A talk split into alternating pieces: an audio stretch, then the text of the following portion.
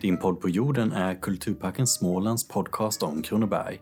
Här pratar vi om stort som smart inom länets kulturhistoria, från forntid till nutid. Välkommen till eh, din podd på jorden. Jag heter Kim Bovander Lindstedt och med mig i studion har jag Kerstin Gynnestedt. Kerstin var ju med i avsnitt 13 av den här podden och pratade då om textilier, men i det här avsnittet så blir det något helt annat då du kommer leda oss genom berättelsen om gängbrottslighet och specifikt om fyra ungdomar som för nära 200 år sedan spred rädsla och satte skräck i trakterna söder om Växjö. Det blir en historia om brott och straff och slutligen om fyra olika människoöden. Så Kerstin, var vill du börja? Ja, jag tror att vi ska börja med att ni ska tänka er en solig tidig sommarmorgon vid Stortorget i Växjö. Vid torget ligger häkteslokalen ungefär där nuvarande Stadshotellet ligger. Det är den 3 augusti 1830. En fångkärra rullar ut från torget skramlande i riktning mot Ingelstad. Det är en vagn dragen av två hästar och bevakad av två beridna vakter. På vagnen sitter tre personer. Den ene är kusken. Den andra mannen är en präst på väg till förrättning. Den tredje mannen är den 29-årige Rudolf Samuelsson Dag på väg till sin avrättning. Rudolf är fängslad med järnbult och noga bevakad för han anses rymningsbenägen. Rudolf är av Göta hovrätt dömd i juni 1829 för rån, förfalskningsbrott och flera stölder att genom halshuggning mista livet. En dom som överklagades till kunglig Majt, det vill säga Karl XIV Johan.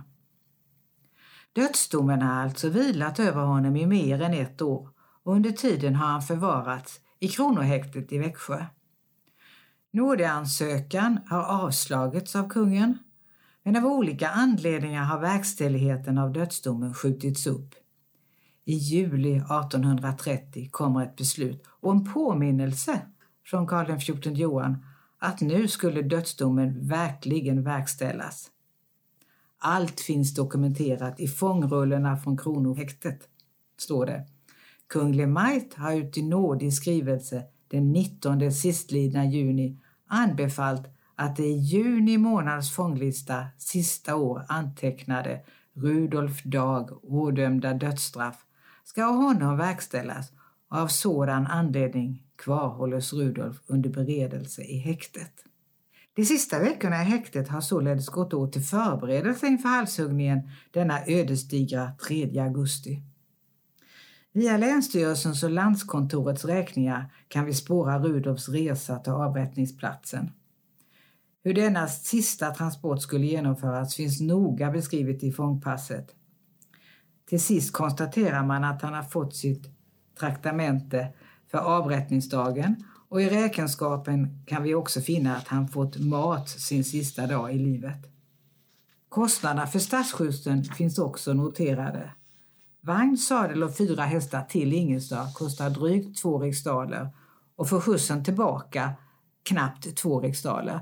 Det var alltså billigare hem, det var ju en person mindre på vagnen. Fångarna var normalt skodda i järnkragar och kedjor. Och vi har genom räkningar kunnat konstatera att Rudolf vid något tillfälle under tiden i häktet fick nytt järn och inför avräkningen finns det också noterat kostnaden för att ta av järnbeslagen. Hur själva avrättningen genom halshuggning gick till finns inte dokumenterat. Vid denna tid skrev inte Växjöbladet om lokala händelser av detta slag och prästerskapets noteringar går inte heller att finna. Kanske rådde tystnad för 1830 förbjöds alla tal på avrättningsplatser. Att avrättningen verkligen ägt rum rapporteras både i häktets fångrullar och i skrivelser från landshövding Karl Mörner till Karl XIV Johan och kunglig Majt. Och där finns alltså bekräftelsen på att eh, avrättningen hade skett den 3 augusti. Och det tog 14 dagar innan denna skrivelse nådde kunglig Majt. Och den som hade skrivit under rapporten till eh, Karl XIV Johan var Karl Mörner som var landshövding i Växjö vid den tiden. Nästan ett år tidigare, den 26 augusti 1829, gick två andra fångtransporter från häktet i Växjö till Ingelstad. Närmare bestämt till kyrkan i Östra Torsås. På den ena vagnen satt Karl Fredrik Ekeroth, dömd till 40 par spön, uppenbar kyrkplikt och tio år på Malmö fästning. Och på den andra vagnen satt Niklas Fredrik Bergelin, dömd till 40 par spö, uppenbar kyrkplikt och livstids straffarbete och Malmö fästning. Spöstraffen för de båda verkställdes den 26 augusti och kyrkplikten dagen därpå. Efter att ha kommit tillbaka till häktet blev de samma dag avförda till Malmö fästning. Berlin och Ekeroth var båda medkumpaner till Rudolf Samuelsson Dag och liksom han i juni 1829 av Göta hovrätt dömda att mista livet genom halshuggning. För deras del innebar nådeansökan att straffet mildrades till spöstraff, kyrkoplikt och Malmö fästning. Kanske kände de en viss lättnad över att ha undgått halshuggning och fått livet i behåll.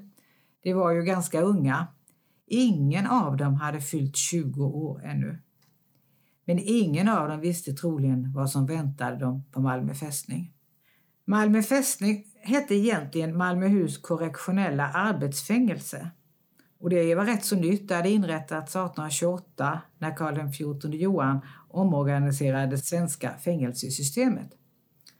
Fängelset var ett så kallat gemensamhetsfängelse där alla kategorier av brottslingar inhystes i stora logementen. Fångarnas dagliga arbete försiggick både innanför murarna och ute i stan där enskilda borgare och företag kunde hyra arbetskraft till synnerligen konkurrenskraftiga priser för framförallt kropps och grovarbeten. Det var således ingen lätt tillvaro som väntade dem när fångtransporten rullade ut från kronohäktet i Växjö för gott. Om deras öden på Malmö fästning vet vi idag bara att Karl Fredrik Ekeroth kom ut därifrån efter tio år och eh, att han senare fanns på eh, Karl Karlborgs fästnings garnison ända fram till 1854. Därefter vet vi inte vad som hände honom. I detta gäng av brottslingar, som alla kom från Växjötrakten, fanns också en kvinna, Maria Helena Fredriksdotter Berlin. Även hon var åtalad för rån och stölder, men friades denna gång i hovrättens dom. Dessa fyra ungdomar satte alltså skräck i trakterna söder om Växjö med sina gemensamma räder av rån och stölder under 1820-talet. Vi har just hört hur det slutade det var kvartetten som sprängdes och troligen efter sina domar aldrig träffades mer. Men hur blev det så här? Vi börjar med Rudolf. Han föddes i byn Västorp 1801. Byn ligger drygt två mil öster om Växjö. Hans far Samuel Olin var indelt soldat som enligt muntlig tradition var med i finska kriget 1809. Det är dock tveksamt om han verkligen var där eftersom han inte blev soldat för Kronobergs regemente förrän 1810 och det finska kriget då var slut.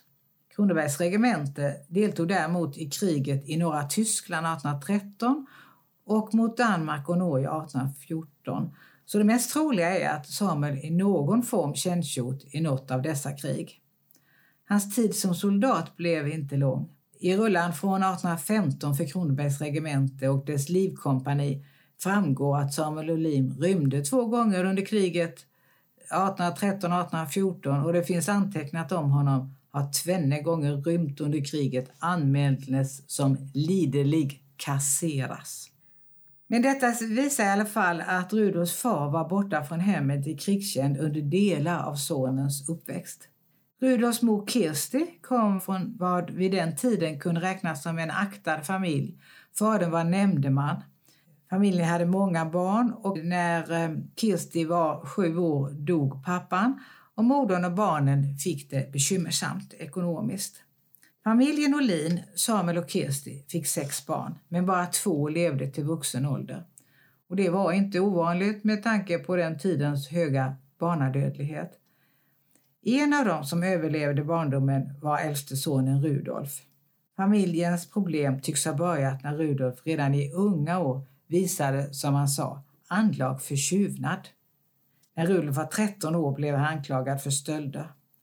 Han skulle ha hjälpt till hos en skomakare, men enligt ett domprotokoll kunde skomakaren, och som det står i domprotokollet, inte längre behålla Rudolf eftersom han var mycket vanartig och begiven på tjuvnad, enskönt han därför strängt blev agad av både hans far och vittnet. 1816, då Rudolf var drygt 15 år, blev han dömd av häradsrätten att straffas med 40 par spö för en stöld han gjort på Växjö biskopsgård.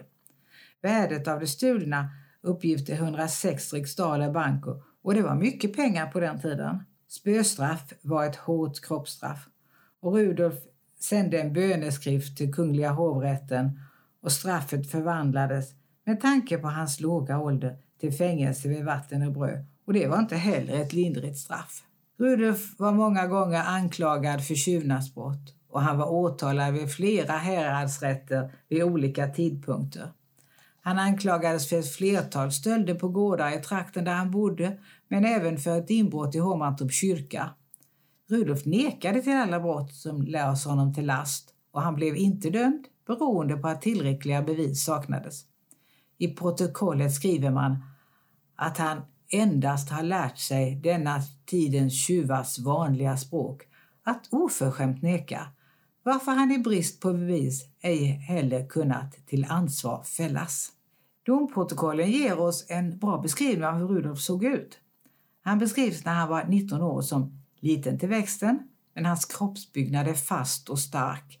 Hans ansikte är runt med något blekt och vitt, men icke sjuklig hy, mörka hår och ögonbryn samt stora blå ögon som utmärker dumhet sammanparad med framfusig tilltagsenhet. I oktober 1820 skrev Rudolf på för sex års tjänst vid sjöartilleriregementet i Karlskrona. Som stöd för sin ansökan hade han två handlingar. Ett intyg av vice pastor Colliander där han rekommenderade Rudolf till det bästa och det andra intyget var av fadern Samuel Olin där han yttrar sig att han inte har något emot sonens värvningsförslag.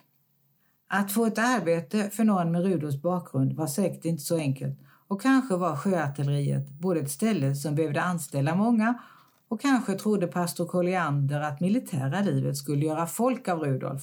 Möjligen hyste även Samuel Olid den förhoppning när han tillstyrkte sonens värvning. Rudolf var kvar i sjöartilleriets rullor för Sparres kompani fram till 1826 då det finns en anteckning utstruken för rymning och vanfejd. Tre månader efter att han hade skrivit på sin anställning, 1820, natten mellan den 28 och 29 januari 1821, var Rudolf med om ett brutalt rån hos prostinnan Colliander och hennes pigor i Bramstorp utanför Växjö då en del värdesaker stals som sen återfall hon är en av hans medbrottslingar. Rånet hände när Rudolf hade permission. Själv uppgav han att han hade varit hemma hos sin far i Furuby. Han sa sig också ha gått omkring med småhandel i Kronoberg och Kalmar län och kommit tillbaka 14 dagar senare och hört att han varit efterlyst. När det gäller rånet mot änkeprostinnan Colliander menar man att Rudolf tidigare utmärkt sig för alla sorts brott med lynne till grymhet och man konstaterar att han med största sannolikhet varit den som förövat rånet och slagit fru Colliander och hennes dotter och hotat övriga till livet. Vittnen kunde dock inte med säkerhet känna igen honom eftersom ansiktet var nersotat och därigenom gjorts oigenkännligt. Rudolf och hans kumpaner blev anklagades men friades av rätten. Häradsrätten tillstyrkte dock att Rudolf Samuelsson och Fredrik Bergelin borde och kronans fästning sitta på bekännelse. Utslaget underställdes Göta hovrätt för vidare prövning. Prostinnan Colliander berättar i rätten livfullt hur rånet gick till hos henne. Hur de tog sig in i huset, in i rummet där prostinnan med döttrar och pigar sov, hur de slog och hotade dem. De stirrade runt i huset och tog deras silver, silverpenningar och kopparmynt. Rånarna tvingade henne att plocka fram mat och brännvin och önskade att hon skulle supa med dem, men se det lyckades de inte förmå henne till. Att de var närboende och väl kände till vem hon var och vad hon hade i sina chiffonjer gjorde att prostinnan förstod att detta var, som hon sa, inte långväga mästertjuvar och att hon senare i ett kancelliförhör kände igen Rudolf som den grymme uslingen som spelat huvudrollen i rånet. Rudolf tycks ha varit på riktiga stöldturnéer med lite olika kumpaner och dömts i olika ting. Han har även rannsakat för förvalskningsbrott fast han sagt sig ej kunna läsa och skriva. Rudolf återfinns i handlingar under, under olika namn. Samuelsson, Olin, Rudell, Samuelsson Dag eller Peter Sirfing. Det sista rånet som Rudolf var med om var mot ett äkta par i Säljet Rydstorp. Detta par var lumpsamlare. Kumpanerna var då klädda i kvinnokläder, kjol och huckle. Och I det här rånet deltog även Rudolfs hustru Helena, Fredrik Bergelin och Karl Ekeroth. Rudolf och hans medbrottslingar rannsakades vid urtima ting i Ingelstad i december 1828 för rån, förfalskningar och 14 stölder. Tre av de fyra kumpanerna dömdes för rånet i Säljerydstorp och tidigare brott till att minsta livet genom halshuggning. Rudolf skriver i sin nådansökan till 14 Johan efter hovrättens dom att han en gång förletts av behov och egennytta och för det fått ett obetydligt straff som gjorde att folk tappade förtroendet för honom och därför gjorde det svårt för honom att genom arbete förtjäna sitt uppehälle. Genom det nya brott som han sen bekände trodde folk att han gjort även sånt som han inte hade. Han hade satts i fängelse, blivit sjuk av fängelsevistelsen och nedstämd, föraktat världen och hatat livet och då på, även påtagit sig brott som han anklagats för, även om han inte hade gjort dem. Han säger sig därför vara oskyldig till det sista rånet han anklagats för i Säljerydstorp. Men på den tiden var det så att häktet skulle yttra sig över nådeansökan och i det yttrandet så framkommer det från häktet att Rudolf Samuelsson Dag har från sin ungdom gjort sig känd för elakhet och de senaste åren varit mycket häktad. Då han denna gång inkom och kronohäktet var han i början mycket foglig, syntes med ånger erkänna sina brott och läste mycket gudeliga böcker. Men efter någon tid i häktet så har han, på grund av det han umgåtts med, försökt rymma och blivit trotsig och återkallat sina bekännelser som han gjort vid många olika tillfällen. Och inte bara det, han har också varit elak och visat elakt spel i exempel åt andra arrestanter. Trots Rudolfs vädjan i nådeansökan står dödsdomen kvar i Karl XIV Johans utslag några månader senare. Han döms enligt missgärningsbalken och det står i domen har under fullt våld utövat rån och för sina övriga brott sig själv till välförtjänt straff och andra till skräck och varnagel genom halshuggning mista livet. Ja, det var Rudolfs öde. Hur var det då med de andra tre? Hur de fyra kumpanerna träffades från första början vet vi inte så mycket om. Kvinnan i kvartetten, Maria Helena Fredriksdotter Bergelin, kom från Tängnaby socken och var enligt domprotokoll gift med Rudolf och syster till Niklas Fredrik Bergelin. Om hennes bakgrund vet vi att hon var född 1804, dotter till fästningsfången Niklas Fredriksson. Hon ägnade sig åt att samla lump till Granssons pappersbruk tillsammans med sin mor Sara Skärling. Hennes far var inblandad tillsammans med bland annat Rudolf i inbrottet i Hovmantorps kyrka 1827. Rudolf och Maria Helena får en gemensam dotter, Maria Gustava, 1826, som bara några månader gammal dör av kikhosta enligt kyrkböckerna för Tingnaby socken. Året därpå dömdes Maria Helena, som då var 23 år, för rån som i domen benämndes försvarslöshet och bristande lagligt näringsfång, det vill säga lösdriveri. Landshövding Karl Mörner skriver i september 1827 till direktionen för Norrköpings kvinnospinnhus att Maria Helena Fredriksdotter sänds med en fångtransport dit för tre månaders arbete och han bifogar beslutet som de ska verkställa. I spinnhusets handlingar beskrivs hon som ljushårig, blå ögon, trinnlangt ansikte, ordinär kroppsbyggnad. Från spinnhuset flyttar hon senare till Rudavånga församling men verkar återvänt till Växjötrakten ganska snart. Och I den sista domen mot gänget för rånet i Seljerudstorp nekar hon medverkan och blir då friad av hovrätten. Niklas Fredrik Berlin var den yngste i gänget. Han hade ännu inte fyllt 19 år då han dömdes att mista livet genom halshuggning. Han säger i sin böneskrift till Karl XIV Johan att han såsom barn av elaka bröder förledd inte ägde nog moget förstånd och eftertänka att motstå frestelsen och därför ville han bli benådad. Men i yttrandet över nådeansökan säger häktet att Berlin är en förhärdad yngling som möjligen skulle kunna återföras om han kom under sträng tillsyn. Karl Fredrik Ekeroth kom troligen från Älmeboda. Han var 19 år när han dömdes 1828 och det är inte första gången han heller står inför rätta. Redan som minderårig hade han blivit agad med ris för stölder han begått. Och den här sista gången är han anklagad för sju inbrottsstölder. Karl Fredrik Ekeroth beskrivs inte som så lång. Han hade brunt hår och blå ögon och fettlagt ansikte och undersättsig växt. Både Berlin och Ekeroth uppger först i förhören för rånet för Seljerudstorp att de blir tvingade att bekänna brottet genom hotelser och slag från två dödsdömda medfångar i kronohäktet. Men sen medgav de att de faktiskt hade gjort de stölder de blivit dömda för.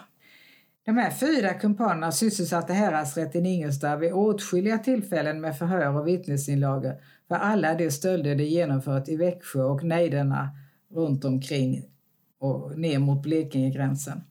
Person och brottsbeskrivningarna i dåtidens protokoll var minst lika målande beskrivna och omfattande som dagens. Det ger oss en bild av hur brottslungarna såg ut och hur själva brottet gick till och vad som stals. Säkert var det inte rätt för Rudolf och hans kumpaner att klara livet vare sig utanför häktet eller i häktet. Rudolf omnämnes ofta som före detta sjöartilleristen. Hur mycket han var i aktiv tjänst är svårt att säga, men under långa perioder befann han sig i Växjö, trakten på rymmen. Det var säkert ett hårt liv att vara på rymmen.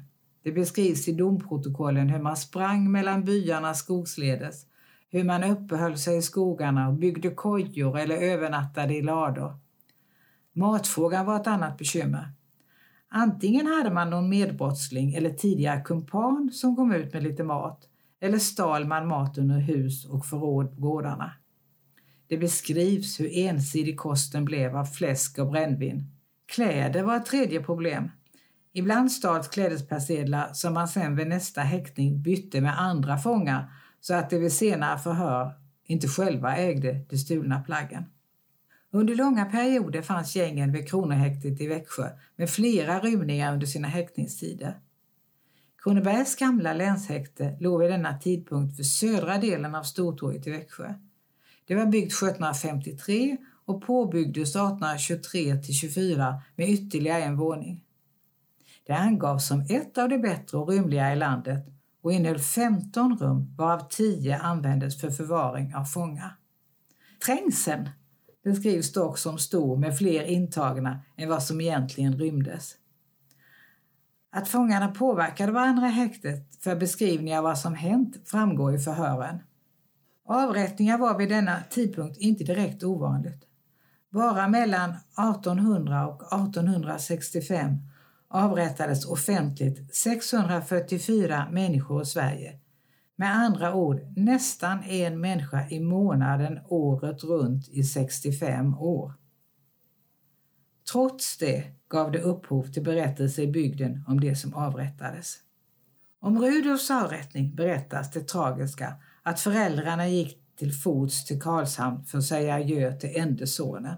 Av våra efterforskningar har vi dock funnit att Rudolf inte var ende sonen och det är tveksamt om föräldrarna gick till Karlshamn. Helt otroligt är det dock inte eftersom Rudolf vistades i Blekinge vid Medelstads tingsrätt anklagad för inblandning i ett rån efter det att hans dödsdom fallit.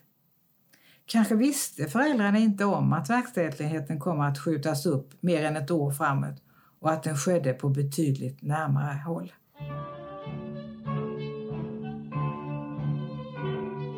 Så här slutar historien för detta gäng för snart 200 år sedan.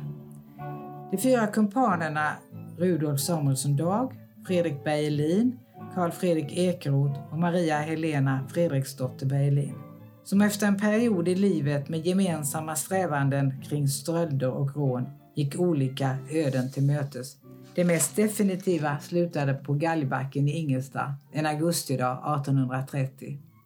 Idag finns inga spår av Galgbacken som är en vacker lövskogsdunge på vägen mellan Krokvik och Ingelstad.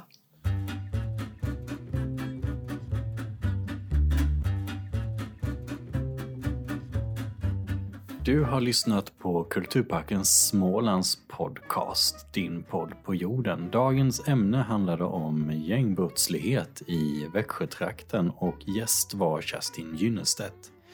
Programlederi, teknik och redigering stod Kim Bovander Lindstedt för.